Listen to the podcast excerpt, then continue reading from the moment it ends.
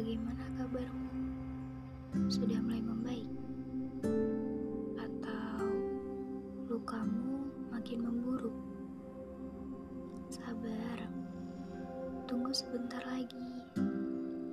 Jangan menyerah sekarang, karena ada hal yang lebih indah yang sedang menunggumu di akhir jalan. Perjalananmu belum selesai, teruslah semangat. Berjuanglah untuk menyembuhkan lukamu. Kelak akan ada obat yang akan menyembuhkan lukamu. Aku tahu, terluka itu rasanya sakit. Dan aku pernah merasakan itu.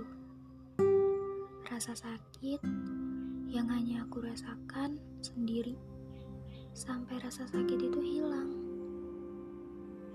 Sakit rasanya memendam sesuatu yang tidak bisa diutarakan.